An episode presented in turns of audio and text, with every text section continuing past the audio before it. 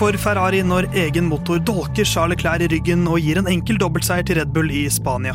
Heldigvis ikke lenge til monegasken får en ny sjanse, på hjemmebane attpåtil, men i Monaco så går det jo aldri bra for Charles. Kanskje lykkes han endelig? Lyden av curbs oppsummerer Hermans eh, Spania-tur og ser fram mot Monacos Grand Prix.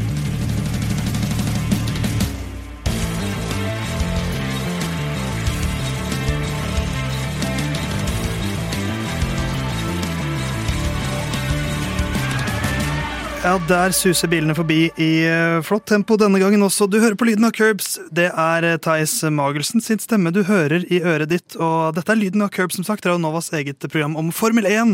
Vi skal oppsummere eh, Spanias Grand Prix, selvfølgelig skal vi det. Og så skal vi også se fram mot Monaco Grand Prix. Men først så skal jeg ønske velkommen til deg, Jon Halvdan Halvorsen. Hele navnet ditt. Tusen takk, Theis Magelsen. Det er veldig hyggelig å være tilbake igjen her.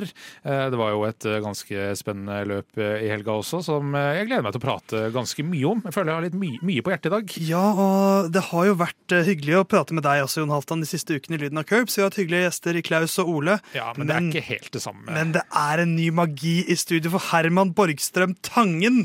Ja, hele navnet, ja. Ja, Velkommen tilbake Jo. fra ditt, din lange reise. Onkel Reisende Borg er tilbake. Ja, stemmer. Takk, takk. Eh, Jeg syns jo mine vikarer har gjort en kjempejobb, men må jo bare påpeke en faktafeil med en gang. For Ole mener at langgangen Langangen ikke er den beste bygda i Porsgrunnsområdet, og det er feil. Han mener det er Bærsbygda.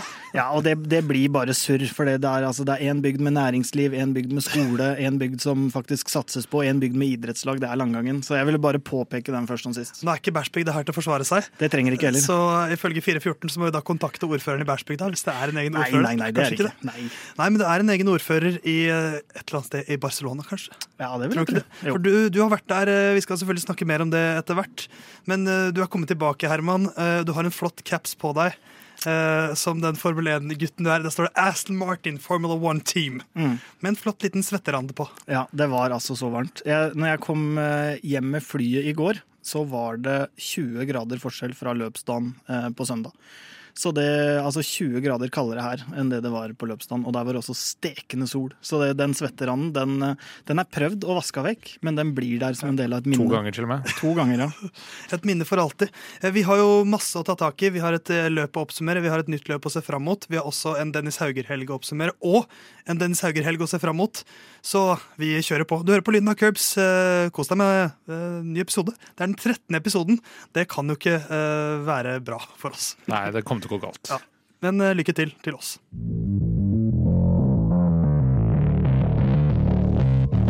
Og vi er jo tre Formel 1-glade typer, men eh, vi har ikke sett så mye live Formel 1 før. Men nå har en av oss gjort det. Herman Borgstrøm. Mm. Gratulerer med å ha opplevd Spanias Grand Prix live. Du har vært på tur. Ja, jeg har det. Og jeg har følt, altså Ikke noe sånn voldsomt, men jeg har følt litt at eh, min liksom hva skal jeg si, patos har vært litt svak her. For det har vært sånn ja, Drive to Survive-mening og sånn. Men nå tenker jeg å bruke det til det fulle. At liksom Jeg vet ikke om jeg skal Jeg husker høre Spanias Grand Prix. ja, Ja. Det var Jeg vet ikke, jeg skal høre så mye på folk som aldri har sett det live. Skal jeg liksom kunne bruke den litt, da. Så det, Du det kommer jeg til å også, gjøre. du sa vel også at jeg aldri har fått med meg så lite av et løp før? Ja, det er sant. Men ja. det er jo Jeg tror kanskje fotball og håndball og kanskje noen andre ballidretter er de eneste sportene hvor man faktisk ser mer på stadion enn eh, på TV. da. Som, eh, som sykkelglad type så kan jeg bekrefte at eh, sykkel er en sport som gjør seg best på TV. Ja. Eh, Men Herman, vi har jo en greie her i Lyden av Curb, så vi oppsummerer løpene på ett minutt. Mm. Jeg har gjort det fryktelig dårlig. Du har gjort det ganske bra. Ja. Men det er jo naturlig at det er din oppgave denne uka å oppsummere Spanias Grand Prix. Ja, Og da har du 60 sekunder på deg. Du skal være så nære som mulig. ja Jeg, jeg tar tida. Er du klar? Jeg er klar. Klar, ferdig, gå. Spanias Grand Prix er historiens varmeste Grand Prix. Det har ikke noe å si hva gradestokken sa eller har sagt tidligere. Jeg var der i den nederlandske svingen, så ta mitt ord. Uansett, Leclerc vant kvalifiseringa foran Max Verstappen, som fikk problemer med DRS-en. Da blei nederlenderne sure og gikk ved siden av meg. Stakkars Supermax. Sur blei jeg òg, som hadde kjøpt inn Aston Martin-merch og skulle heie fram superlaget til Lauren Stroll. I løpet fortsatte Sainz å være en stakkar av en fører og snurra og holdt på. Not So Supermax gjorde akkurat det samme, og Leclerc var på vei mot en trium triumferd før bilen gikk i stykker. Russell prøvde å surre det til for Red Bull sin bedre, i sin litt bedre Mercedes-bil, men det ble tafatt. Tafatt var også ordren Perez fikk om å slippe førstefører Max forbi og inn til seieren foran meksikaneren. Men da blei det trøkk i svingen vår, og da sang de Max, Max, Max, Super, Max, Max, Super, Super, Max, Max, Max, Super, Max, Max. Men Driver of the Day var imidlertid tidenes beste Formel 1-fører Louis Hamilton, som fikk løpet ødelagt av en kontakt med Kevin Magnussen helt i starten, men en god femteplass. Ja, Da sier vi Ja, dette er lydopptak fra Herman. ja det er fenga hans, altså. Du lurer vel på hvor lang tid du brukte? Ja, det var vel et minutt, tenker jeg. Et minutt og Du knota litt, Ja. og dermed ett minutt, minutt og seks sekunder. Nei, Så nei, bomma nei. med seks sekunder, og det var Og det er faktisk feila. Det er eh, science-feila mine inni der som ødela. Fjern science-feila og én super. En Ja. Supermax-gjentagelse, Ja. så hadde det vært perfekt. Ja, det var litt dumt. Jeg knota mye der, altså. Det var, men jeg, du vet jo det fra vi var praktikanter Ja, i TV 2. Jeg er two- two-take Tangen, Ja, så hadde jeg tatt den der om igjen. Rett på, altså. Trengs alltid to tagninger. Men det var, eh, det var en opplevelse, Herman. Eh, Vil jeg tro. Du fikk smake på, på den nederlandske stemninga på kloss hold. Eh, Hvordan var det å se Max Verstappen eh, vinne nok et løp da i årets Formel 1-sesong på såpass kloss hold med såpass mange oransjekledde mennesker rundt seg? Nei, det var kult. Eh, Min samboer, da, som jeg fikk eh, turen av, var jo ganske sånn sjokkert, tror jeg, over nederlendernes oppførsel. Det var jo sinnssyke sanger som sto på. Det var noe sånn nederlandsk danseband som gikk i ett. De hadde en egen DJ på liksom foran tribunen, som holdt på helt fram til kvalik og helt fram til løpet starta. Som liksom piska opp stemninga. Og jeg syns det var veldig kult. Jeg fikk litt sånn fotball-VM-vibber av det. Selv om jeg ikke har vært der, så føles det som jeg har vært på fotball-VM. Så det var veldig kult. Jeg ville ikke sitte i noe annet sted, selv om jeg ikke heier på Max. da. Men du Spilte- er blitt uh, Max-fan-fan. Ja, det kan Ja, du godt si. Men vi spilte den Snollebollekes eh, Links og Recht-sangen. Eh, hvor de hopper til venstre Ja. og til høyre. Ja, ja, ja. Ah, det er jo ikke noe mer nederlandsk enn det! Nei, den er helt Den er nydelig. helt nydelig, faktisk.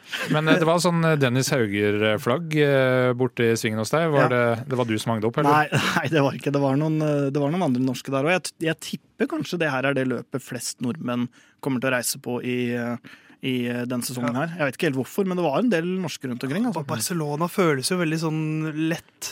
Nordmenn skjønner seg på, på greia, liksom. Ja. Det er jo lett å dra fra Oslo til Barcelona. Ja, det er det. Og så er det jo en eh, kanonby eh, sånn utover det òg. Du har jo strender, kultur, shopping, du har alt. da. Spesielt shopping. Ja, det er eh, ikke dumt, det. Så man har jo alt, men eh, det må jeg jo, mens jeg, mens jeg har ordet her òg, de har ikke kollektivtrafikk. Nei. Det var krise. Så, så jeg prøvde toget hjem fra løp. Alt gikk greit til. Om du tok buss, taxi eller tog, alt gikk greit til. Men jeg prøvde buss hjem. Da var det opptil fire timer i kø. Men den sneik jeg forbi, eh, så jeg kom meg omtrent på første buss ned. Uh, og så prøvde vi tog. Da sto jeg brøyt meg stadig lenger inn, så vi, da brukte vi kanskje en times tid eller noe på å vente. Men der også var det rundt fire timer kø, og så var det taxi. Eh, der, der skrev jeg med to, to jenter i den Formel 1 Norge-gruppa på Facebook. Eh, vi ble enige om å møte oss etter løpet og spleise på en taxi. Det gjorde vi, og da var det liksom noen noen som tok på en måte initiativ. Det her var nesten på en slags motorvei. Eh, Det var ikke en motorvei, men det var en stor vei, tre felt og noe greier. Og så var det liksom flere som tok initiativ til at vi lager sånne taxikøer da, i veiskuldra. Men hver gang noen liksom gjorde det og det ble en kø, så bare storma jeg forbi. Sånn at vi var jo til enhver tid på en måte foran de taxikøene som ble etablert. Så vi fikk kjapt en taxi, aircondition og full pakke. Men jeg hørte jo til og med da noen nordmenn rope sånn herre it's, it's a taxi line! Og så sier de til hverandre faen, nå må vi løpe òg! liksom, fikk lurt systemet, men det var krevende med kollektivt. Survival of the fittest, rett og slett. Og det er jo litt paradoksalt at det er så mange køer eh, eh, utenfor en bane som ofte har vært litt sånn købane, eh, hvor det er ofte lite dynamisk eh, kjøring og veldig sånn Det er vel den mest kvaliktunge banen. Sånn at eh, Hvis du ser på hvem som har vunnet fra front row osv. Ja, vi skal jo Eh, kun foran nest- Monaco, nesten. Ja, vi skal neste helg til en som er kanskje enda mer ram på akkurat det. Ja. Men, eh, men for oss, for oss vi, skal, vi kommer sikkert tilbake til Hermans eh, reise Mm. gjennom resten av året. men, eh, men hvis vi ser på det som skjedde i løpet, da, så var det Charlie Clair som tok eh, pole position foran Max Verstappen og Carlos Sainz. George Russell Perez og Hamilton på plassene bak i løpet. Eh, veldig god start av Leclerc. Eh, Verstappen hadde en feil litt tidlig, kjørte ut i, i grusen, kom seg inn på banen igjen. Og det, det så ut som at dette har Leclerc full kontroll på, men så ble han dolket i ryggen av sin egen motor. Jon. Eh, ja, og det er jo eh, Jeg må egentlig skryte litt av Leclerc eh, først, fordi Sjelden kost. Eh, nei, jeg skryter av Leclerc jeg, når, det, når det passer meg. Uh, starten hans var uh, veldig god. Han var god aggressiv over Veldig rask på å altså- sperre av Max der. Ja, Vi snakker altså millimeterpresisjon, for det var nummeret før punktering og ikke noe frontvinger på Red Bullen. Men perfekt utført. Lø- løp seg ledelse sikra. Og så fikk han jo da problemer med motoren. De, det var ikke eh, eh, noe forvarsel på eh, det som har skjedd. Og Ferrari har sagt at det er en skade som ikke kan repareres på turboen og MGUH-delen. Altså den oppladning av batteriet som baserer seg på varme. som betyr sannsynligvis en gridstraff senere i sesongen. Eh, Og De sier også at det ikke skyldes designfeil eller driftssikkerhet. Eh, Og Da er det igjen to ting. Brukerfeil eller monteringsfeil. Ja. Eh, Så det er jo sannsynligvis noen som har dritt seg litt ut her da, på, i Ferrari-garasjen. Eh, Samme problem eh, fikk ikke Science, men han eh, tok Han fiksa enda et annet problem, han. ja, Han tok samme turen som uh, Verstappen gjorde. Det var visstnok uh, litt eh, mye eh, vind bakfra inn i sving fire. Han hadde lengre tur ut på grusen og fikk eh, gulvskade, eh, så det var egentlig hans løp eh, så å si over. Og så eh, har jo plutselig Peres en gullmulighet her. Eh, fordi Verstappen hang en stund bak George Russell og kom seg ikke helt forbi der. Eh, mye pga. en DRS-vinge som han krangla med. Eh, og så endte han opp med å trykke på knappen mange mange, mange, mange ganger. Han Og da prøvde- og lukka han igjen. Prøvde å, trykke én gang, av og på Ja. curb, trykke 50 ganger. Ja. Det, eh, vi- 50 ganger. Rart at det ikke funka. Ja, nei, det, det som Christian Horner har sagt, er at i sin jakt på å nå idealvekt, så har de kanskje skrelta litt for mye vekt på den motoren til DRS-vinga, så den ikke er kraftig nok. Ikke sant. Men, eh, men da havner jo plutselig Peres i en vinnerposisjon. Eh, Red Bull på vei mot en enkel 1-2-seier. Men så blir det en ganske tydelig teamorder her, Herman, som du allerede har flagget at du ikke var så fan av. Ja. Hvordan føltes det? Og hvordan var, det var, du meldte jo enorm suksess i nederlandske svingen. Ja. Men hva tenkte det lille Herman-hjertet eh, i Spania da? Nei, altså, på én måte så For dette, er jo dette var jo en teori du lanserte forrige Ja, uke. at ja. Hvorfor skjer ikke dette oftere? Ja, Dette så- var jo et, egentlig etter ditt hjerte. Ja, på én måte så er jo det her helt sånn jeg ville tenkt som en uh, team principle. Altså få hvem, hvem av de to kan vinne VM? Det er uh, Max. Og hvis du kan plassere de to sånn, gjør selvfølgelig det. Men uh, litt som dere konkluderte med òg, det er kjipt for idretten, og det er negativt, og det går utover Peres og alt det der. Så det er jo utrolig dølt, men det er jo smart, da. Så jeg, jeg, jeg støtter jo taktikken, men eh, Sånn I den nederlandske svingen så var det jo voldsom applaus, og det gikk jo også utover Peres. Så det, det var jo applaus hver gang de, eh, de kom forbi, og det var det faktisk òg. Jeg trodde det var ironisk først. Gikk utover Peres i positivt eh, ordlag. Ja, det kan du si. Men, men jeg trodde kanskje først det var ironisk, men de applauderte faktisk Hamilton så å si hver runde også. Det, jeg trodde kanskje det var mer hatsk stemning, men, eh, men det Det virka er bare ikke ironisk. internett det er hatsk stemning. Og så er det, så er det lett å applaudere når han er ikke, ikke en trussel, på en måte. Ja, det kan man selvfølgelig si, Ja. men, men jeg syns Ja, de det var litt imponerende. Ja. De skal ha den. Uh, hvis vi, altså Max Verstappen, tre seire på rad, har vunnet eh, alle løpene han har fullført i år. eh, og har nå en ledelse på bare da seks poeng likevel mot, uh, mot Charles Leclerc. Um, men uh, Altså, det, det jeg synes ikke det, det, det virker ikke så spennende som det egentlig er. Eh, nei, eller uh, Jeg, jeg syns vinden virker å være veldig med uh, Verstappen og co., selv om den ikke var det i den ene svingen i, i Barcelona. Ja, nei, altså du kan jo si at altså, Fordi det som jo på en måte er mer utrolig, er at Leclerc leda med over 40 poeng. og det er, dette var da femte løp. Så det er de har, de har hatt eh, også noe flaks, sånn som det løpet her, hvor det var mye roting. og altså Han var kanskje sikra en andre- eller tredjeplass, så da hadde liksom ikke skaden hadde ikke blitt så stor. Men når Leclerc får de problemene, så er det jo bare å Og Science er fullstendig ute av det igjen. Så er det jo bare å eh, utnytte det. Og jeg er jo, eh, i motsetning til Herman eh, jeg er imot team orders, er imot team orders her òg. Uh, uh, Her sånn så mener jeg det er så tidlig i sesongen, og så greit, han vant med åtte poeng sist. Uh, men det er liksom Hvorfor, hvorfor gidde? Hvorfor gjøre Peres sur? Eh, de måtte jo pitte han uansett, så det hadde jo ikke, de hadde ikke trengt å gjøre det på den måten. Eh, men eh, det, det var nå sånn de valgte å gjøre det, og det ser bedre ut for Red Bull enn det de egentlig fortjener. Men de har ikke brutt løp. og kan man si at det har vært litt sånn tullefeil? altså DRS-en er nå én ting, men det er ikke løpsendene. Det å montere motoren feil er derimot det. Eh, så vi får håpe at det er faktisk det, da, og ikke er noe driftsrelaterte greier for Ferrari. For da er de fort vekk litt i trøbbel. Ja, klarer seg greit uten DRS i Monaco også, så det skal nok gå fint. Men, ja. men, det er altså en lei weekend for Ferrari, men den enes motordød, den andres brød. Vi får se litt på Mercedes ganske straks.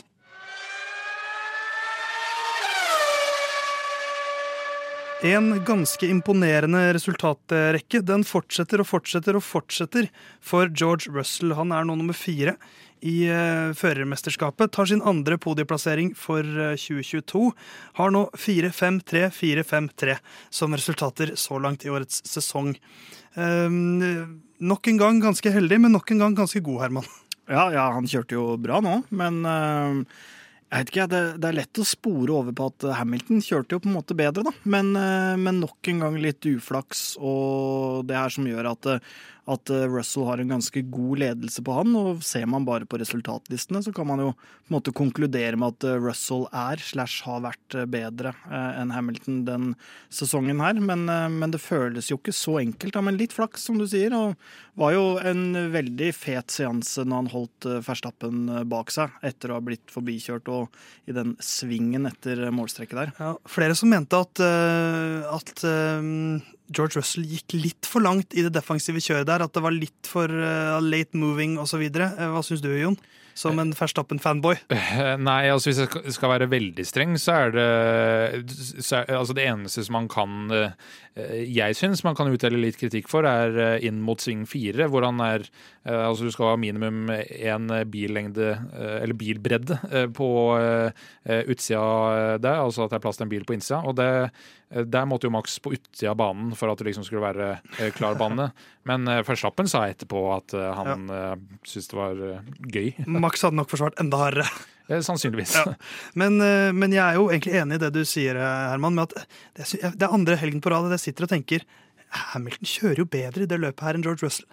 Men så, men så, er det litt med tilfeldigheter. Hamilton hadde jo en sidepunktering der. Eller en slags sånn, altså en, Ikke en sånn beinhard punktering, men sidepunktering. Er ikke det man kaller det? ish? Uh, det, det, det, er det man ikke. sier i sykkelsporten, i hvert fall. Så jeg ja, tyr til det. I ja. hvert fall ikke en sånn, altså Dekket satt greit på, så han kom seg til depotet og ja. fikk bytta, men, men, hadde jo lyst til å stå av. Kjernen var uh, fortsatt på. Ja, uh, så, så, han kom seg greit til pit, men tapte jo masse tid og var vel nest sist. Og det liksom, etter en hit der med, med, med Magnussen, som de kalte en, en race incident, som jeg syns er fair, mm. men da hadde jo Max, nei, Louis lyst til å bryte, så sa Bono vi fortsatt, tror fortsatt at åttendeplass kan være mulig. Jeg synes den skjøre selvtilliten han viser der eh, Eller den kommer i hvert fall tydelig fram. At han, eh, han gikk jo inn eh, De har mer tro på bilen nå. De virker jo til å ha funnet en slags løsning på Eller årsak til ja. hvorfor bilen hopper så mye på langstrekket, også da i svingene. Så, så det var liksom mer selvtillit. Og så skjønner jeg jo på en måte at man kanskje føler at nå er det litt over. Og så spør han jo ganske kjapt bør vi heller spare motoren. Ja, for, det, for det, og det kan, det kan, jeg jo skjønne. Hva, ja. Det er jo han trenger jo ikke å trene på å kjøre. Nei, i hvert fall ikke på den banen. Det, men, men, i hvert fall det de sa, da, så var han vel 50 sekunder bak Verstappen i starten og kom inn 40 sekunder bak, eller hva det var. Sånn at han Han tapte jo veldig mye tid på slutten med en Han lå egentlig på fjerdeplass mm. og hadde jo full kontroll. Det var jo en, en fantastisk Mercedes-helg egentlig med tredje- og fjerdeplass, mm. Eh, men så var det vel noen eh, kjøleproblemer hvor Eh, det ble veldig varmt for bilene også, og, og Mercedes hadde litt trøbbel der. Ja, så da røyk det en plass. Vannlekkasje ja, ja. på bilen. Uh, og så er det Jeg vil kanskje si at det flatterer noe. De, uh, fordi de er fortsatt uh, ja, De er tredje raskest. Ja, Tre til sju tideler treigere per runde. og så kan man jo Altså, de har gjort forbedringer, absolutt. De ser, ser, bedre ut, og de har bedre resultater. Og hadde egentlig ganske god kontroll på en litt skada bil til Science, men fikk jo da de her kjøleproblemene om at det var The issue is terminal. Ja, det var veldig det var, det det var litt, en litt stressa Bono på slutten her, men, ja. men, eh, men, George Russell sa vel i intervjuet at sesongen vår starter nå. Ja. Uh, og det tyder vel på at nå føler de at de har et eller annet, og det er jo kult å si etter litt mer enn en fjerdedel av løpene at nå starter vi sesongen vår. Men, ja. men jeg vil være litt uh, uh, forsiktig optimist, ja, fordi dette er én bane, og det de har jo selvfølgelig mer eh, info, men eh, inntil videre, inntil de ser at de er bedre også på andre baner, så er jeg liksom litt eh, Ikke 100 optimist på Mercedes-fan. Fortsatt klart tredje raskest, Mm. men kanskje bitte litt nærmere å være nest raskest. Og så hadde det, hadde det vært morsomt å se det løpet her med et maksløp av eh, Louis. Ja.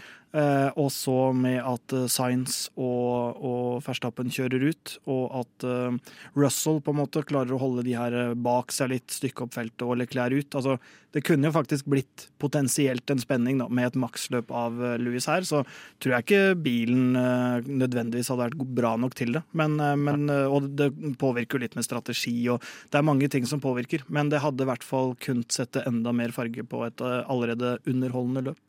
Så øh, ting ser kanskje litt lysere ut for øh, Russell, øh, Hamilton og resten av Mercedes-gjengen, som blir nummer tre og fem. Science lurer seg jo da inn på fjerdeplassen. Eh, hvis vi skal ta resten av poenghaverne, Valtteri Bottas, Esteban Ocon, Lando, Lando Norris. eh, Som jeg sier, Fernando Alonso og Yuki Sunoda. Eh, Bottas Bott, han fortsetter, han. Ja, Det er liksom bare- jeg må ta med meg hatten. Jeg har vært Ja. så kritisk han i eh, flere år. Men eh, det han eh, leverer i den eh, Alfa Romeoen, eh, er enten eh, eksepsjonelt eller eh, på det nivået den Alfa Romeo Ja. er. Men så lenge show ikke leverer noe bedre, så eh, sier jeg at det er eksepsjonelt. Ja, for Shagon Yu hadde vel eh, motortrøbbel etter, eh, ganske tidlig, og så sa vel Mattia Binotto at eh, vi, vi tror ikke det er noe sånn rød tråd mellom Nei. de Ferrari-problemene her. Så, eh, og, og Guan Yu gjorde jo en helt OK kvalik, eh, men, eh, men Bottas Det er bare Det er så bunnsolid. Han er eh, Hva syns du om vår store det, Han er jo min mann. Han er jo på en måte min Lawrence Stroll. Ja, ja nei, det er, eh, det er imponerende, men, men det er jo også sånn litt kjedelig.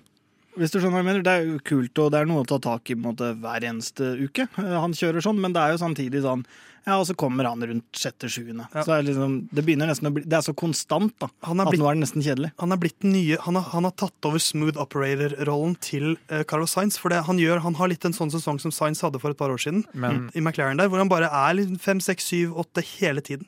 men Bottas på podiet eh, denne sesongen, yeah or nay?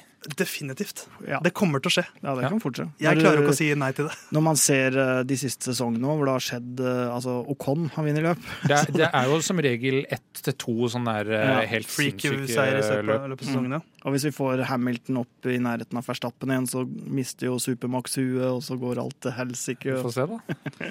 Så noe vi skal se på nå med en gang, det er våre tippetips til Spanias Grand Prix. Hvem leder nå? Det blir nok ikke så store endringer.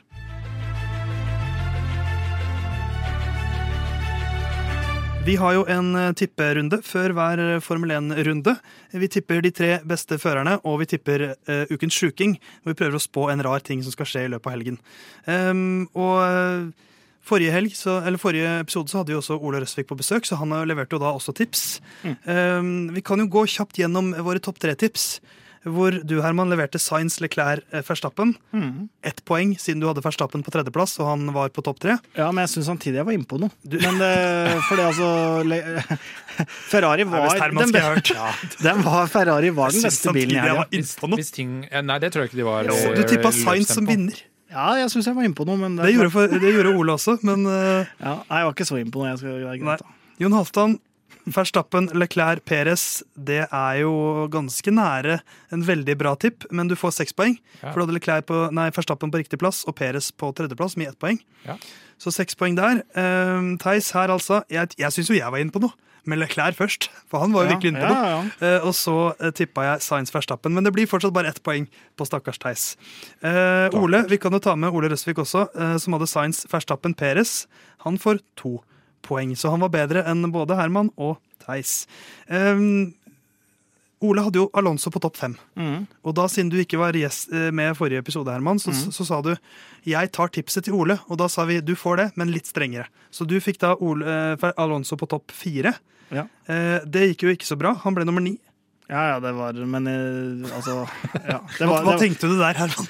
Nei, altså når jeg fikk Når jeg hørte det her i øret, så, så var det Jeg syns det var strengt. Eh, og det er jo en slags sånn bakvaskingskampanje som har pågått nå helt siden jeg tok eh, ledelsen. Sånn Ja, men at, dette er jo ja, Jeg skal vel leke gjemsel? Nei, jeg vil ikke være med. Det er jo sånn, det er jo sånn svar.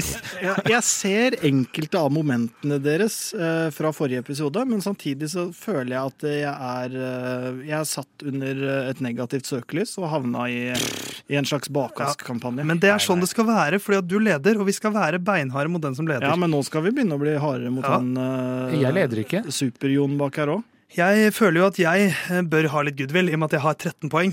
Jeg hadde eh, Alfa Romeo tar poeng på begge bilene sine.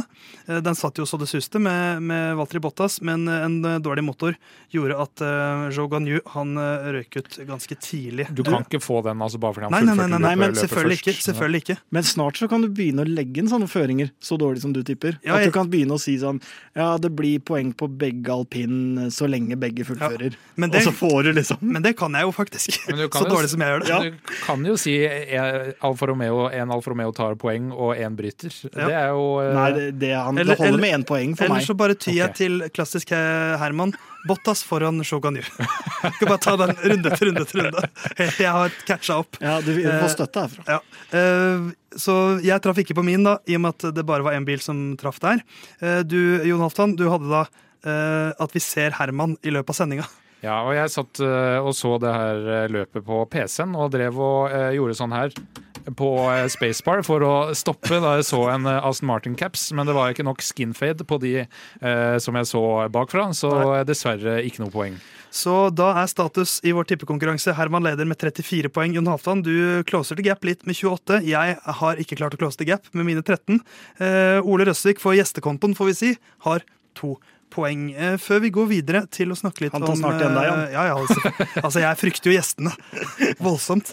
Men før vi går videre i sendinga og skal se litt på Formel 2, så har du fått et eksklusivt intervju, Herman. Ja, det har jeg. Jeg fikk uh, litt uh, tid med en Formel 1-fører. Eh, og det er jo moro. Eh, vi var der på torsdag nå, var oppe på, på banen, fikk se litt hvordan de holdt på i pitten og sånn. Og så vi kan jo sikkert bare høre praten. Ja.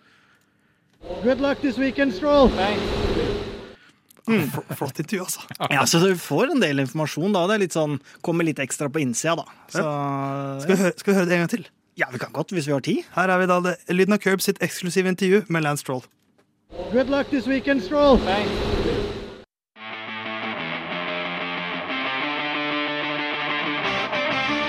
Formel 2-sesongen er inne i en litt hektisk periode. Spanias Grand Prix inneholdt også en Formel 2-helg, og vi hauset opp muligheten til Dennis Hauger. Vi gjorde det. Det gikk rett i dass. Eh, Dennis Hauger kvalifiserte som 14. beste på den banen vi vet han kjenner best. I sprintløpet kjørte han seg opp til en tolvteplass, null poeng. I eh, hovedløpet kjørte han seg opp til en trettendeplass, null poeng. Eh, En eh, rotete og rett og slett, jeg vil si, hans dårligste helg. Fordi det var liksom ikke noen sånn freak-hendelse, det bare var ganske dårlig. Han var ganske dårlig i første runde i featureløpet, da, når han eh, bestemmer seg for eh, her hvor det ikke er plass til noen bil, eh, i det som er vel tredje siste sving. Eh, her skal jeg være. eh, Og da ødelegger sin egen frontvinge, eh, frontvinga til eh, han han krasjer inn i, og eh, fikk vel fem sekunder for det også. Så eh, da var det, det var litt klønete. Ja, så jeg vet ikke hva vi skal si. Det er skuffende i et, i en, eh, på en bane vi vet han kjenner godt, men samtidig som alle andre også kjenner utrolig godt. Ja, jeg er, jeg er skuffa over øh, Jeg er skuffa over Jeg klarer ikke å snakke, da, for jeg er så Ja, skuffa. så skuffa er det. Ja, over Formel 2. Ja. Fordi jeg så kvaliken, og så vel det ja, så første det også. løpet. Ja, og så det første løpet, og det var dødskjedelig. Det var ganske kjedelig. Fordi jeg hadde forventa mye tettere racing, eh, og det var jo for så vidt. De lå tett på hverandre, men de var, de var ikke i nærheten av å liksom utfordre hverandre i svingene eller noen ting. Nå satt jo jeg i en ganske treig sving, men det var jo der blant annet Verstappen kjørte forbi, var det Bottas, eller noe sånt noe?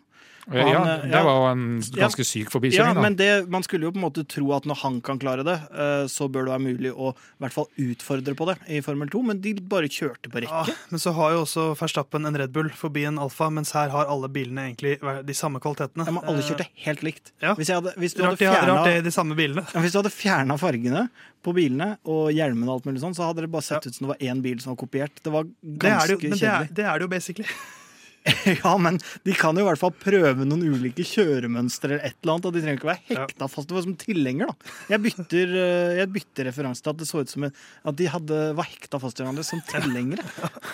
Ja, Racing Line er noe Racing Line for en grunn, da. Ja, men prøv nå å utfordre en sein innbremsing, eh, et annet spor, altså hva som helst. Det prøvde Dennis, så, så snik med han. Men, men, eh, men uansett en ganske dårlig helg. Ikke en dårlig helg for Felipe Drogovic, som, Min mann. Som vant begge løpene. Ja, han hadde vel det man kan kalle en perfekt helg. Ja, eh, Veldig sterkt etter å ha blitt nummer ti i kvalik og vinne hovedløpet også. Eh, og han er da selvfølgelig nummer én i Formel 2 så langt. Theo Porcher hadde en litt svakere helg. Han ble nummer fem og nummer åtte. Uh, Jehan Daruvala ble nummer fire og måtte eh, avsløre, avslutte, eh, avbry, avbryte. Han brøyt siste. Avslutta og avbrøt og hele. Kjært synonym har mange alternativer, mens Dennis Hauger ble nummer 12 og nummer 13 og null poeng. Ehm, jeg vet ikke hva vi skal si. Uh, plukk deg opp, Dennis, og se fram mot Monaco. Ja, det, er, ikke- det, er ikke noe, så, det er ikke så mye mer å si om, om det røret her, spør du meg. Altså. Han la jo ut på Instagram A, a weekend to forget, Eh, så uh, gjør deg klar til Monaco. Gjør det bedre.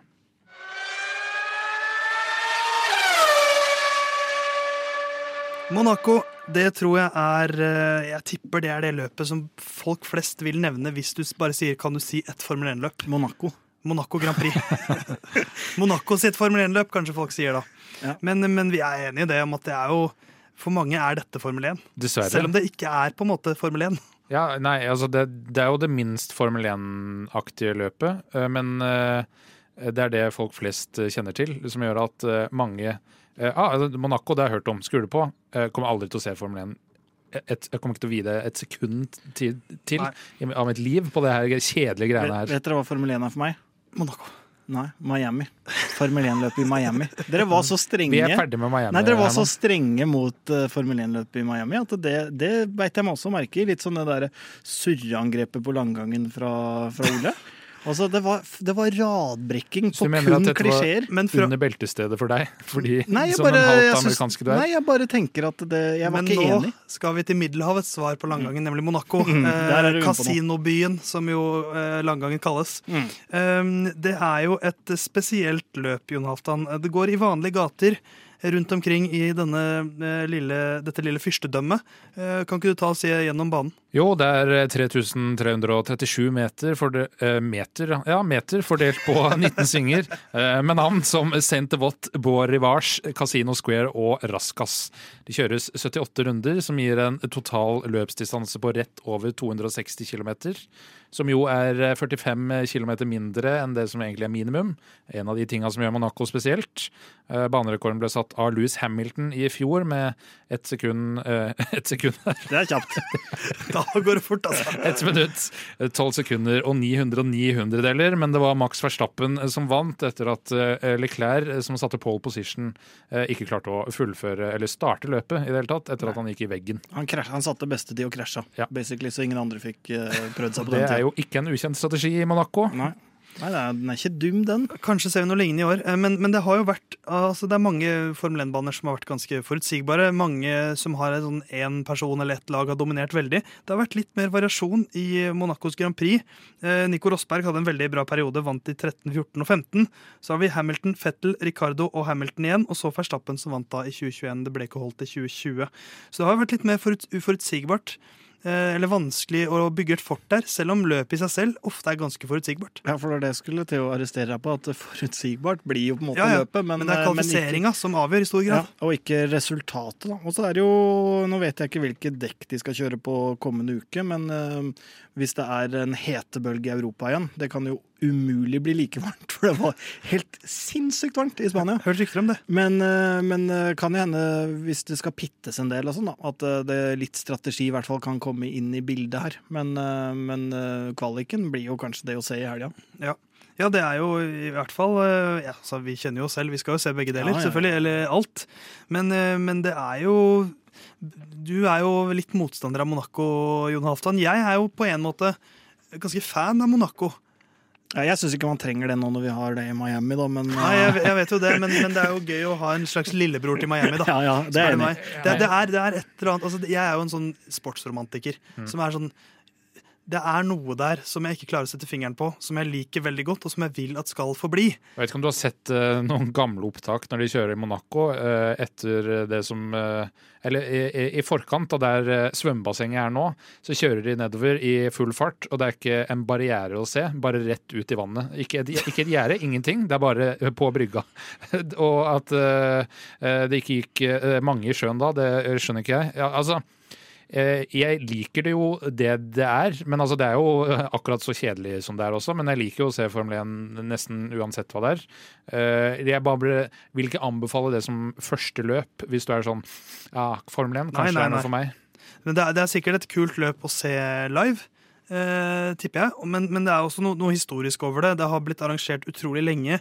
Jeg, og i en periode hvor man er veldig på pengekjøret, så syns jeg det er litt fint at de gamle pengene får skinne i Monaco. Og det, men jeg syns jo at det, det er jo noe historisk over, over en bane der liksom fortsatt Arton Senna er den med flest seire. Ja, Det er noe, det er noe liksom erkeformelensk over Monaco Grand Prix, selv om det er et kjedelig løp. Ja, Det er jo fascinerende by òg, hvor ingen monegasker har lov å gå på kasino. eh, som er eh, litt spesiell regel. Eh, og det er jo sinnssykt mye historie uh, knytta til løpet. Første løp i 1950, eh, altså eh, Formel 1s begynnelse. Eh, og så Og så var det jo, det har jo vært bil, billøp der før Formel 1 begynte også, Ja, ja. helt til ned på 20-tallet. Ja. Så har det vært løp rundt om i Monaco, så det er jo veldig sånn motorsport eh, Ikke Mekka, men motorsport Monaco. Det er alliterasjon, det òg. Litt sånn som langgangen, for der var det jo bakkeløp før. Som hvor de kjørte opp korketrekkeren. Det er ikke tull engang. De gjorde faktisk det. Ja, det er jo en uh, litt britisk greie, akkurat det bakkeløpkonseptet. Men, uh, men, men uansett, altså er det Det er jo en bane som krever mye. Det er, det er ikke rom for feil Nei. i det hele tatt. For, for førerne elsker den. Ja.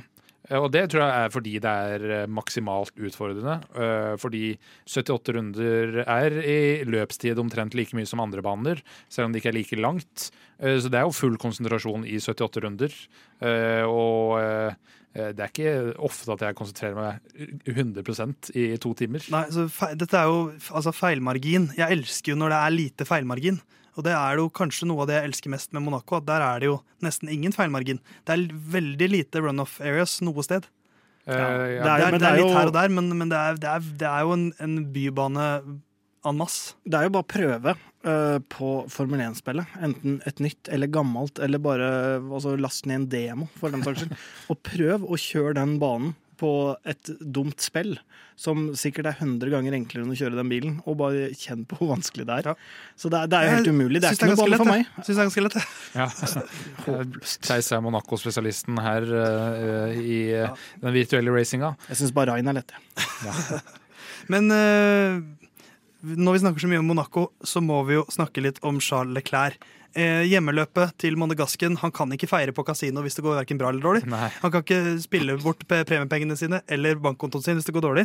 Men det har jo gått eh, veldig dårlig ja, med Charles Leclerc på hjemmebane. Krasja de to siste gangene han har kjørt her nå. eh, En eh, bare for noen uker siden. Ja, Det gikk ikke så mye bedre da han debuterte der for Sauber i 2018. Da ble han nummer 18, eh, og fullførte ikke. Ja, først... han kjørte vel nok til at eh, han ble godkjent, på en måte, men han fullførte ikke. og første løpet for Ferrari så punkterte han jo òg, Ja. og kjørte i sinne eh, rundt. Og eh, Og For to uker siden så krasja han en gammel Niki Lauda-bil Ja. eh, inn i Raskas. Så, så det har jo vært en hjemmeforbannelse over Charlie Clair. Han er jo på en måte altså Juri Vips hadde en, en sånn eh, race radio, Formel 2-føreren Juri Vips, i Catalonia, hvor han snakket sånn han kjørte ut, låste bilen sin, og så sa han noe veldig ærlig som var Jeg vil alltid for mye. Jeg klarer ikke å holde igjen. Jeg vil alltid for mye. Jeg må alltid gjøre altfor mye. Og det er, da tenkte jeg det er som Leclerc i Monaco. Han vil alltid altfor mye. ja, å ta seier på hjemmebane nå, eh, Av eh, løpsvinnerne nå, så har jo eh, både Louis Hamilton gjort det i Storbritannia og Max Verstappen i Nederland, og selvfølgelig vil jo han det i Monaco òg. Så får han følge opp. Altså, han har jo bilen til å gjøre det. Eh, Og absolutt talentet, så det er jo bare at han ikke eh, tabber seg ut. Men han har jo kanskje aldri hatt en bedre mulighet enn nå, Herman. Og da er spørsmålet etter den eh, altså Han kjørte jo veldig veldig bra i Spania. Eh, han hadde jo vunnet det løpet, Ja, så ja. han har jo ikke, det er jo ikke han som har mista det. Men mister han det litt når han på en måte må revansjere en dårlig konklusjon. Og så kommer han hjem og har liksom tidenes mulighet til å vinne på hjemmebane. Det er mye press på en liten, liten monogaskisk skalle. Ja, det er mye press. Jeg, jeg, tror absolutt han kan klare det. Han virker jo knallhard i, i huet, da. Det tror jeg egentlig alle de førerne er, selv de vi sitter her og slakter som elendige. Jeg tror alle der er uh, Eh, ekstremt sterke mentalt, og sikkert de beste ekstra sterke mentalt. Så jeg, jeg, tror absolutt han kan klare det. Så kommer vi vel tilbake i spådommene, da, om jeg tror han vinner eller ikke. Oi, oi, oi, oi. Og vi skal ganske straks ta fatt på resten av feltet, og sikkert mer om Ferrari også. Monacos Grand Prix nærmer seg.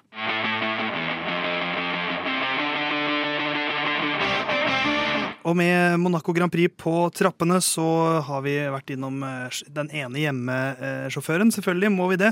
Eh, men han har jo en makker som heter Carlos til mm. fornavn, Sainz til etternavn og junior Elendig, Elendig til mellomnavn. Elendig til mellomnavn. Ja, for han har jo ikke vært eh, veldig god så langt. Smooth operator, det er nå Walter Bottas. Mm. Ikke lenger Carlos Sainz. Det har vært null smidighet over hans sesong så langt. Han ligger nede på femteplassen her. Og når jeg sier det, han har vært på podiet tre ganger, da. Men men ligger nede på femteplassen her og har, stått, eh, og har brutt to løp eh, og ble nummer fire i, i Spania på hjemmebane. Kunne egentlig blitt en femteplass hvis det ikke hadde vært for de lekkasjene til Mercedes. Opptur i sikte, Jon? Eller eh, mer kaos? det er jo jeg, jeg, tror ikke at det er umiddelbart gode utsikter for Science. Han har litt problemer med bilen. Den er mer Eh, altså Den har en mindre sikker bakend. Altså Den eh, sitter ikke så godt på bakhjula som han trives med. Og som gjør det litt mer utfordrende for han å kjøre enn det som passer hans stil eh, sånn optimalt. Monaco er jo Monaco, så her kan han ta både pole position og vinne, han. Det kan jo nesten alle sammen, hvis man er liksom heldig nok. Men sånn i det lange løp så er det nok litt tid før han Eh, kommer seg liksom helt opp igjen. Pluss eh, sannsynligvis en eh, viss selvtillitsknekk etter både tur i grusen både i Australia og her. og generelt litt tabbefylt. Ja, for hvordan kan egentlig dette gå bra for Ferrari når de er i en situasjon hvor de har én fører som ikke finner flyten, en, fyrer, fører som har hatt et brutt løp og som da skal på hjemmebane, og som alltid vil for mye på hjemmebane? Altså, to folk som vil altfor mye på en bane der du må være kald og beregnende og ikke ville for mye, for da går det gærent i Monaco. Hvordan skal det gå, Herman, med Ferrari? Uh, nei, det kan man jo si, men det her er vel egentlig mer en bane hvor det handler om å finne flyten, og ikke du nødvendigvis skal race så mye og, og, konkurrere sånn sett. Så det handler vel om å finne den her eh, sona si, da. Og det, det, tror jeg alle kan, men jeg har mer trua på at Leclerc gjør det enn at Science gjør det. Utrolig skuffa over tippetipset vårt på Science. Så jeg syns jo det ja, for er en, sånn, I retrospekt også, så står jeg for det. Ja, jeg syns det er en del logiske momenter ja, ja. i tippinga vår der. Altså, vi, vi bomma på mye rart, vi jo blei slengt ut mye rart. Men, uh, men at Science skulle være bedre enn Leclerc, det, det trodde jeg, det. Var, var egentlig ikke noe tvil om det, nesten. Så men, eh, men, der bomma vi jo. Eh, det er lang sesong ennå, ja, men, det ser, men det, ser, det ser, tynt ut. Han har slått, uh, Sainz har slått Leclerc i null av seks løp, og kvaliktallene har jeg ikke i hodet, men jeg mistenker at det er 0-6 der også. Uh, det er riktig. Ja. Så um, ja, lykke til, Carlos. Mm. Uh, et, et, en annen førerparing der det er, det er egentlig litt nærere, da, som er Verstappen og Peres. Hva, Herman, hvis vi ser en situasjon hvor Peres havner foran mm. i løpet av en eller annen grunn uh, Du kan kanskje forsvare en teamorder uh, i eh, Spania. Du kan si at du må slippe ham forbi, han kan være raskere. Men her i Monaco synes jeg det er det vanskeligste stedet å forsvare en teamorder. Ja, men pit-strategi, da. De ja, kan jo trikse og mikse med det der. Og, jeg, jeg, men, men undercut pleier å være ganske svak her. Ja, men de kan jo Men, men altså, er, du, du, vet jo åssen du, vet jo åssen Red Bull Nei, men det er jo sant, da. Du vet jo åssen Red Bull holder på. De vil ha poeng på Verstappen. Jeg tror for de å gi Peres en seier i Monaco, fordi Verstappen har det allerede, hadde han ikke hatt det fra før, så jeg tror ikke de hadde gjort det. Men nå, hvis det ligger de 1-2, og det er Peres først, da tror jeg Men, de kommer men til det, å kan beholde. jo, det kan fort være sånn at ikke de setter seg sjøl i den situasjonen, for de kan jo bruke det her strategiske momentet mye tidligere og sånn også, så det kommer helt an på løpsutviklinga, men de viste jo 100 tydelig i eh, Spania hva som er eh, ambisjonen deres, og det er å få mest mulig poeng på, på Ferstappen. Og da ofrer de Peres, og det tror jeg de kommer til å gjøre mm, så å si hvert løp, så lenge det er nødvendig i deres øyne. Og så er det selvfølgelig litt med når og måte og takt og tone og sånn. Det, det er ikke sikkert de ber de to om å bytte plass på oppløpssida her, det tror jeg ikke, men, men eh, Da men, koker det, altså. Ja, da, men, Da erklærer Mexico krig mot Østerrike. men samtidig, det at de trikser og mikser litt med, med pitstrategi, kanskje de ofrer en plass på Peres for å få Verstappen opp, det jeg syns ikke det er helt utenkelig. Historisk sett altså, vil ikke Peres være inne i bildet her kvalifiseringsmessig, fordi ja. det er en veldig krevende bane. Mm. Men i det eksempelet, da. Ja. Så Eh, Da kan vi se på det tredje beste laget, Mercedes. Mr. Saturday ble jo George Russell kalt i eh, Williams. Han eh, har fortsatt å kvalifisere bra og har mye flaks. Det kan være kjekt å ha i, i Monaco. Eh, Hamilton har vunnet det løpet her tre ganger, men det begynner, begynner å bli noen, eh, noen år siden sist nå, i 2019. Eh, Da var det ikke løpet i 2020, da. Stemmer, så, men det er fortsatt noen år siden. Én, to, noen. Men det er bare ett løp han ikke har vunnet av de to men, siste. Ja, ja, men jeg sa bare noen år siden. Du kan ikke arrestere meg på den, Jon. Da, Nei, da kverulerer jeg tilbake. Men Mr. Saturday mot uh, Mr. Legend himself, som vi kaller han, uh, Ja. Herman. Eh, hvem vinner fram, tror du, av de to? Er det på tide at, at eh, Louis får litt flaks? Jeg veit ikke, men på en måte så er jeg nå Høres ut som litt- Hamilton etter eh, Ja, men jeg er bare litt- gi opp. Jeg er litt bitter nå, fordi jeg, jeg var jo i den her Mercedes Ordne og det her båten, og sto så knallhardt, og, og hørtes ut som en idiot pod etter pod. Og så trekker jeg meg på det, drar på en ferie, og så plutselig så er Mercedes ganske bra. Ja, men, Jeg burde- eh, ja, men- det er fortsatt et stykke Ja, men jeg frem hadde- til dit du Hadde jeg bare stått på det, så hadde jeg, hadde jeg på en måte riktig. Og så, ja, hvor riktig, bla, bla, bla. Det, Nei, ikke du, du hadde vært på sporet av noe, men, men, Ja. men, eh, men de er jo på sporet av noe. Og det er jo eh, kredible stemmer også som begynner å hviske om at dette fort kan bli en Ferrari-bane, fordi at den er ikke så himlende rask, og Red Bull sin uh, topphastighet den, den er ikke relevant her, egentlig. Eh, mens eh, Mercedes kanskje er på sporet av noe. Eh, kanskje kan de liste seg på the second row i kvalifiseringen. Folk begynner å hviske litt om det. Jonathan ser skeptisk på meg. Ja, det- ja. Han og, og har ikke tro i det hele tatt. Nei, ja, men jeg tenker altså Mekanisk grep og downforce er liksom det viktigste på Monaco. Topphastighet betyr ingenting. Eh, eh, og Mercedes må fortsatt ofre downforce for å ikke drive og hoppe rundt. Spørs hvor mye de må ofre her. Topphastigheten er ikke høyest, men de skal tross alt gjennom den tunnelen. da.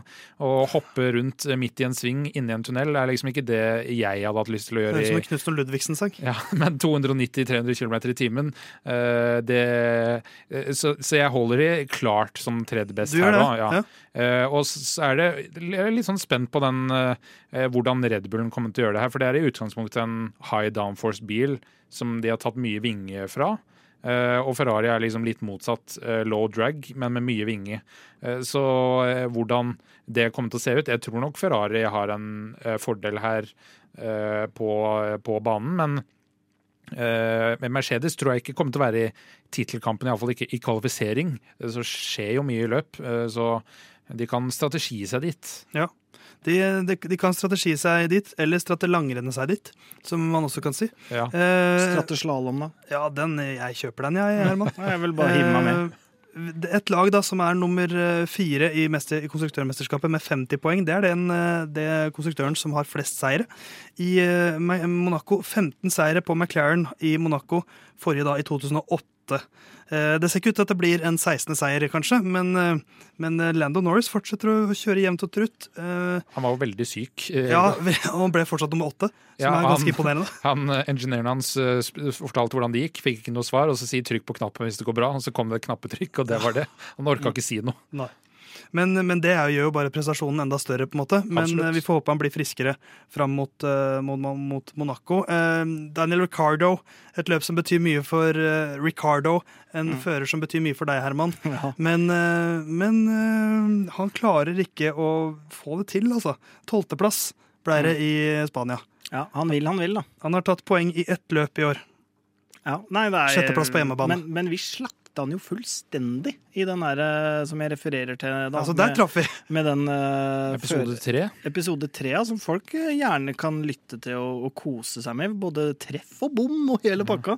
Men der slakta vi og tenkte at han er, han er finito. Uh, ser jo ut som vi treffer bedre der, da. Ja, vi er eksperter. men, han, Ja, i hvert fall jeg. han, men han virker jo uh, uh, litt sånn ute av det, altså ute av seg sjøl. Hvor han, han Det virker ikke som han helt skjønner eh, hvor han skal For nå, nå sa han etterpå jeg håper de fant ut at det var noe galt med bilen. Ja, Fordi, sant? Det- fordi han ikke kunne si Åh. hva han hadde gjort galt. Når du begynner å håpe det, da Ja. er du ferdig, altså. Ja, du, det er egentlig, Jeg vet ikke hvor mange sesonger til eh, Ricardo har hvis ikke han eh, klarer å finne tilbake til Mojo. Har han en, ett år til på kontrakten sin? Ja, det er vel snakk om at de skal begynne å forhandle nå i sommer. Om ny kontrakt? Eh, Ja. På Ricardo med McLaren? ja. Hva i alle dager gjør du, Zac Brown? Eh, nei, ja, men forhandlinger kan man alltid starte. Man Ja, trenger ja. ikke fullføre de. Nei, det er sant. Jeg, jeg tror Ricardo er ferdig innen tre år. Ferdig, mann. Han er ja, men, som- eh, men som Formel 1-fører. 2023 er kontrakten. Ja, jeg googla, jeg brukte verktøyet Google. Jeg brukte verktøyet Ja, jeg rakk ikke å google. Jeg jeg tipper 2024 er Ricardos siste Formel 1-sesong. Ok, Men alle i McLaren? Tror du, Nei, jeg tipper han får ett år til et annet sted. men Ja. tror du han vil det? Eh, ja. Ja, det tror jeg også. At et eller annet At eh, Lawrence Stroll eller noe sånt klasjer noe cash eller Han skal inn for Fettel? Ja. Noe i den duren. Jeg, jeg, jeg, Williams jeg, eller for, jeg, jeg, for jeg, jeg er helt enig, det virker som han har mista seg sjæl. Og, Ja. og han er sånn, og det syns jeg, for å ta en Herman og referere til Drive to Survive Yes! man, ser, man ser veldig tydelig i Drive to Survive, selv om den er satt på spissen, jeg tror veldig på det at han er sånn som må trives der han er, for å virkelig få ut det han eh, er god for. Ja. Og, og da, han, da han følte seg litt sånn på kant med Red Bull, og så er han i, i McLaren hvor det kommer en ung eh, brite, Porsche brite opp og bare vasker gulvet med han. ja, men jeg tror ikke han føler seg Altså, jeg tror det er hyggeligere i McLaren ja, ja, ja, men- men enn fall det har vært på mange år. Men, men nå har han på en måte ikke noen han har, han, Snart har han ingen andre å skylde på enn seg selv. Nei, det er litt tungt. Og Ja. det er en vanskelig eh, ting å face. Det, det var det som tynget ned Bottas i, i Mercedes. Eh, Du, du, hvor langt inne satt for han å bare si til Louis Hamilton at du er bedre enn meg? Det klarte han ikke før han var ferdig der. Kanskje, kanskje hvis, uh, hvis Ricardo hadde vært fra Grimstad, at han hadde sagt 'forbannede Lando'. Som en slags uh, hushovd til McEwan-referanse. Som Det- du kjenner. Det hadde han nok definitivt gjort. Men, uh, men så vi, det virker som vi tror da at Norris kanskje gjør det best denne helgen også. Eh, en annen ganske sånn skeiv eh, driver pairing er jo eh, Bottas mot uh, Shogun Yu. Shogun Yu tok ett poeng i første løpet, og så har han en Han har jo vært eh, litt uheldig også med bilen, men har da en 11. og en 15. plass som ikke er krise. Men eh, han er jo ganske langt bak Bottas, så han må begynne å snuse litt på poeng igjen, altså. Eh, Ja, men må, han det han må ikke, men, men, men jeg syns jo at når Bottas kjører såpass bra, så viser jo Bottas at se hva som er mulig i denne bilen. Ja, det er riktig, men vi skal begynne å trekke Men så er, men så er han selvfølgelig, det er sant, han er første år, og han har tatt poeng i sin første sesong, og det er ikke så mange som gjør det. ja, Hvis vi skal begynne å trekke hvem som burde begynne å ta poeng mot lagkameraten sin, så er det de to eh, som surra det helt til eh, for Has der eh, i helga. Ja. Og det er Schumacher. Altså han ligger 11, eh, 15 poeng bak eh, eh, Magnussen, som eh, De kvalifiserte veldig bra. Gjorde Ja. Mick Schumacher den eneste som Herman hater mer enn Max Verstappen. Ja. Og han eh, totalvraka jo bilen eh, her eh, under kvalifisering i fjor. Og deilig å komme til Monaco da og Ja. ha litt press på seg, og så vite at her bør jeg helst ikke treffe veggen. Schumacher har like mange poeng som landsmann Nico Hulkenberg. Ja. Det er ikke dumt. Ja, og det er jo da, også da etter at han totalvraka bilen i eh, Saudi-Arabia eh, på en eh, eh, gatebane. Så, men Schumacher, nå, nå begynner det å nærme seg dags for å levere litt. Eller så er du bare Da er du Ralf, og da er du ikke Michael. Jeg har et, eh, jeg har et bilde av meg sjøl foran garasjen til Mick Schumacher, hvor jeg står og gir én Jeg husker ikke om det er én eller to tomler ned. Har dere lyst til at vi skal legge ut det bildet? Det, eh, la oss vente til eh, vi ser hvordan det går i Monaco. Ok, Hvis det går dårlig, så er det to tomler ned. Ja, Ja. definitivt. Ja. Eh, jeg tror ikke noen av oss kommer til å tippe Mick Schumacher som vinner i Jeg må jo snart det, for å få godkjent. Du må nesten det. Vi får se hva våre tips er til det neste Formel 1-løpet.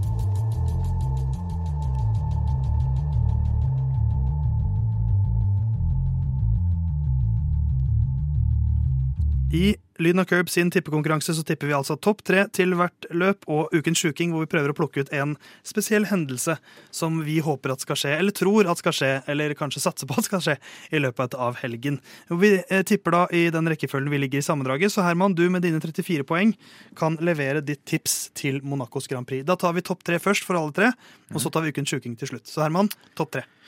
Eh, Topp tre, ja. Skal vi, skal vi se, da. Dette har du Eh, tenkt på. Nei, jeg har ikke tenkt så mye på det. Eh, Da kommer det fra hofta. Det liker Ja, vi, men ja, vi, Hoftene lyver ikke, vet du. vi liker det, og så godkjenner vi det ikke. Er jo klassikeren. Ja, topp tre får du godkjent, men, men det må ikke være noe, ikke sant? for du kan bruke denne her ukas sjuking som et wildcard. Så det må Ja, ja. ikke Jeg være mener jeg er egentlig litt imot det der at vi ikke kan bruke Ukens sjuking eh, på tross av Ja. topp tre, fordi Ja, men det er en helgardering. Du velger å ta Ja, men nå har jo Theis for så vidt da gjort det i to, eh, to runder hvor jeg ikke ønska det, men hvor det blei Hvor dere skøyv Ricardo omtrent opp i pallen for min del.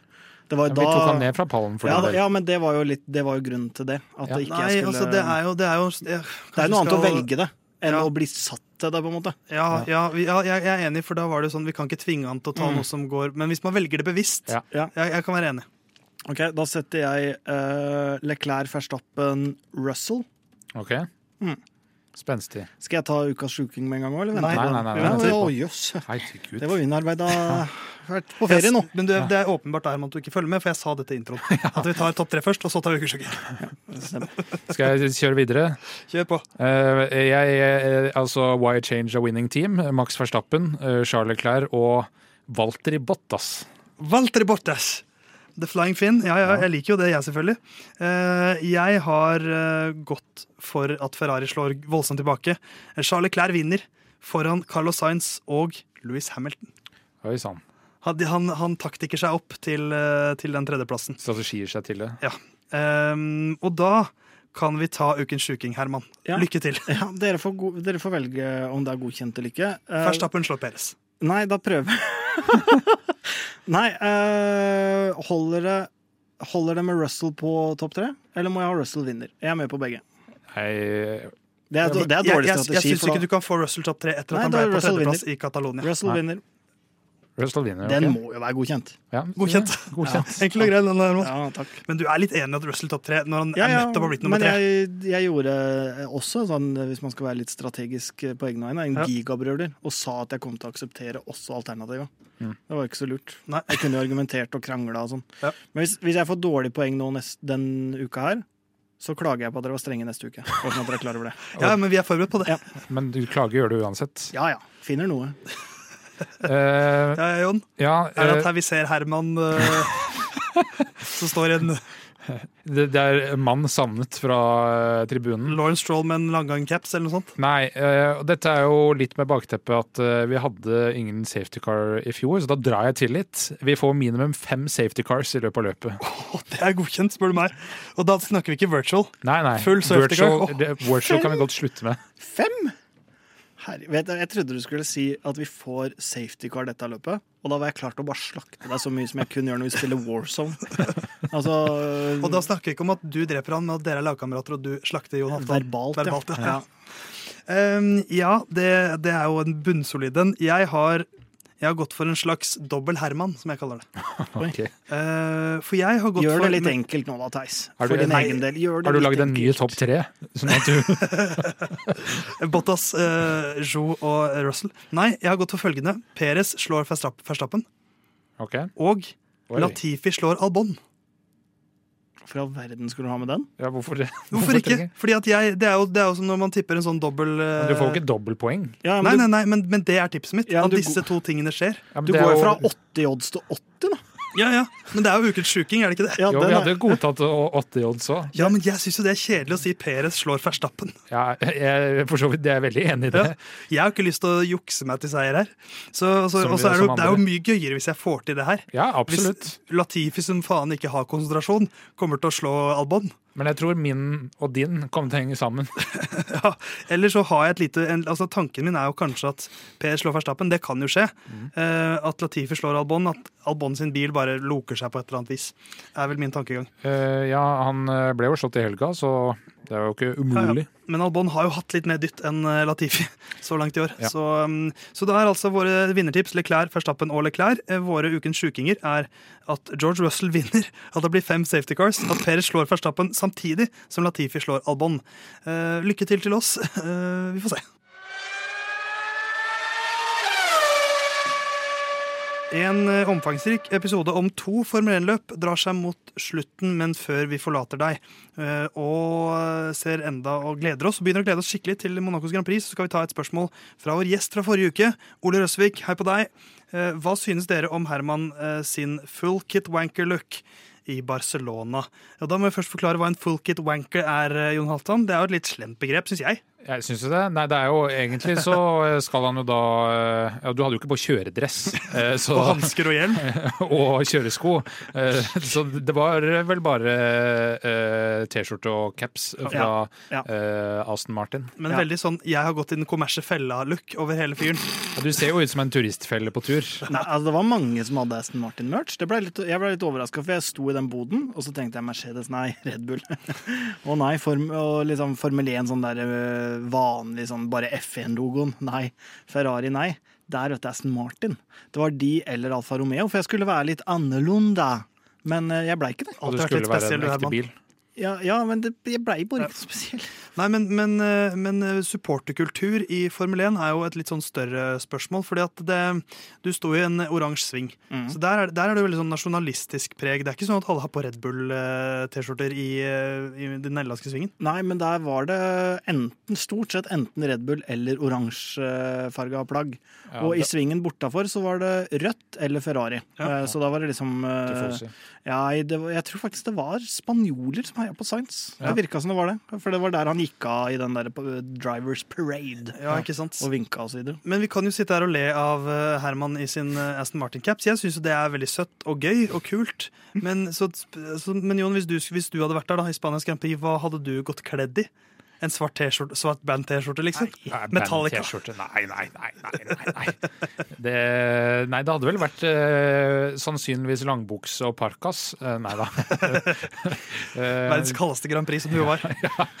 nei, shorts og T-skjorte Det er mulig at jeg hadde kjøpt meg en Red Bull-trøye, men, men uh, det kommer litt an på. Jeg syns ofte, at det Red Bull. Nei, jeg synes ofte at det er litt for dyrt. Jeg har jo Ja, dritdyrt. jeg har jo en Manchester United-T-skjorte, altså en trøye, men jeg tar jo aldri på meg den på når jeg ser kamp på TV, liksom. Nei, men det her var jo for min del også for å liksom forevige minnet. da. selvfølgelig. Sånn at, eh, Selvfølgelig, men, men det var Ja, for, for hva var, du har på deg en flott caps, hva kosta den? 60 euro. Det er ikke sant, ja? 600, litt over 600 kroner. Og en T-skjorte i helt OK kvalitet, eller? 110. 110 euro. Ja, men det med polokrage, vet du. Det var ja, 90 for den uten, så Ja. det var jo nesten billig. Og det er vel uh, Alfa Tauri som lager klærne til Red Bull og, uh, og Alfa Tauri, uh, som er sånn designer-Red Bull-merke. Ja. Men jeg hadde sinnssykt lyst på den der eh, Mercedes-trøya. For den ser veldig sånn kul ut. Jeg er jo glad i, jeg er glad i klær. Klær. Men uh, Fått litt sånn nederlandsk aksent, bare. Ja. Men uh, jeg, jeg kan liksom ikke ta side så høyt oppe. Nei. Jeg syns det blir for enkelt, sånn som andre her i rommet, som, som liksom er på makstoget. Men hvis vi har eh, da første reisetips, at uh, for evig minne og bruk uh, ca. 170 euro på merch. Ja, ja. Da har du noen flere reisetips, for du har jo opplevd noe som Jon Halvdan og jeg ikke har gjort, nemlig Ja. å oppleve et Grand Prix. Det er åpenbart å snike. Bortsett, som altså du aldri Sniking har vi prata før. om. ja, Vær obs på, på kollektivtransport. Ja, absolutt. Eh, rett og slett, hvis, hvis noen skulle reist til, til Spania Grand Prix nå, så ville et av tipsa vært å spørre meg om eh, kollektivtransport, for jeg, nå kan jeg triksa. Og det er helt sant. Hvis noen reiser neste år eller et eller annet, så fyr inn Instagram. eh, Borg.mp4 på Instagram. Ja, eller Curbs, da. Ja. Jeg kan svare der òg. Men eh, et eh, tips er eh, hvis det er i nærheten av å være litt varmt, ta med nok vann. Det er lov å ta med alt som ikke er aluminium inn på løpa, så du kan ha med plastflasker, du kan ha med mat osv. Men den rullen med aluminiumsfolie som jeg alltid har med meg, den, Nei, men du kan ikke ha med colaboks, du kan ikke ha med Red? Bull, du kan ikke ha med solkrem som er i aluminiumsemballasje. hva er grunnen til det? Nei, jeg vet ikke. Jeg tror det er Pælmer du det på banen, så er det Ja. punkterte dekk eh, rimelig raskt. Ja, men den, den der harde plastflaska med, med solkrem, det var ikke noe problem. Jeg antar at den hadde gjort litt skade, den òg. Men eh, i hvert fall det er ett tips. Uh, et annet er å ta med kikkert. Det er, da kan du se de her tavlene mye bedre Ja, enn det vi sant? kunne. Ikke sant? En liten sånn operakikkert som du holder opp med en pinne. Nei, jeg hadde holdt Jeg kjør full kikkert. Det er ikke tull engang. Hvis du har, med, hvis du har kikkert, ta med, ta med vanlig kikkert. Ikke noe stjernekikkert, ikke noe operakikkert. Ikke aluminiumskikkert. Nei. Men vanlig, helt vanlig ikke-aluminiumskikkert. Eh, Det er et tips. Og eh, de solgte sånn her at du kunne være med på liksom eh, radiobeskjedene. Altså ikke til bilene, men som blir gitt over spikeranlegget. Som er ganske sånn der eh, enkle. Den leser opp alle tiende i, av og til, og den uh, går gjennom liksom, hvor mange runder som er kjørt osv. Det kan man høre veldig sånn perifert. Hvis man, uh, hvis man, I hvert fall hvis man sitter i den nederlandske svingen, så kan du ikke høre noe. Så kjøp de her pluggene som gir deg tilgang til den radioen. Det er faktisk, uh, Jeg så ikke hva det kosta, for vi gjorde det ikke første dagen. og Da bare sto vi egentlig i det. Men gjør det. det er, når det er liksom 150 000 mennesker samla på et ganske lite område, så funker ikke internett. Det er bare å glemme. Så selv det vi prøvde radiodekning, vi prøvde å se på stream og alt det her, og, og man får jo det med i pakka når man kjøper billetter og sånn, eh, sånn at man skal kunne følge med der og, og høre kommentatorer. Det funka ikke. Så ta og kjøp det her, eh, så du blir med på det calling-anlegget. Det er, eh, det er ett tips til. Um, Jeg tror det er hovedpunktene, altså. Har vi et, eh, ja, det høres jo ut som ordentlig eh, gode tips, rett og slett. Ja. Eh, Frister det til Hva overrasket deg mest ved det å se et Formel 1-løp live? Hvor lite man ser? Ja, nei, jeg, altså, jeg satt jo ganske bra til i en sving. Da, så jeg følte at liksom, jeg fikk Ja, jeg fikk jo ikke sett løpet i det fulle og hele, men jeg fikk se mye av bilene. Og liksom Jeg kom ganske tett på sånn sett, da. Um, det jeg kanskje beit meg mest merke i, var nesten det man ser litt på TV, um, med hvordan de flytter seg for hverandre i kvalifisering og på raske tider på trening. Hvor sømløst det faktisk er. Eh, Du skal til liksom å kjøre på en, eh, en utrunde, da, eh, og så hører du at det kommer en raskere bil. Da legger du deg bare litt til venstre, og så kommer den forbi, og så kjører du etter den, og så er du i gang. på en måte. Det var, det var nesten en liten sånn symbiose som foregikk ute på banen. Det var litt uh, mind-blowing. Og selvfølgelig det å se og høre bilene på nært hold. da. Det var jo kult. Ja, vi får få til en Lyden av Curbs-tur en eh, gang, men eh, før den tid så må vi takke for følget. Det er Monacos Grand Prix til helgen. Jeg gleder meg. Gjør du det, Jon? Ja, og da Oi, du gjør det? Uh, ja, selvfølgelig. Og da kan vi jo eh, kjapt gå gjennom tidene denne gangen òg, som eh, husker en gang til. Uh, klokka to på fredag. På fredag, vanligvis pleier det å være torsdag, det er nytt. Eh, de hadde kanskje forrige gang òg, det husker jeg ikke. Eh, klokka to eh, på fredag er første trening. Klokka fire på lørdag er kvalifisering. Det er absolutt verdt å få med seg. Nesten Husk å prioritere mellom lørdag og søndag. Velg lørdag. Klokka tre på søndag er det løp. Så eh, takk for oss. Den 13. episoden av Lyden av Curbs gikk overraskende knirkefritt helt til jeg skulle ta utroen min. Dæven, der var det 13. forbannelsen som tok meg. Lykke til, Charlie Clair. Håper du får det til på hjemmebane. Lyden av Curbs er tilbake neste uke med oppsummeringen av eh, Monacos Grand Prix. Følg oss på Lyden av Curbs på Instagram.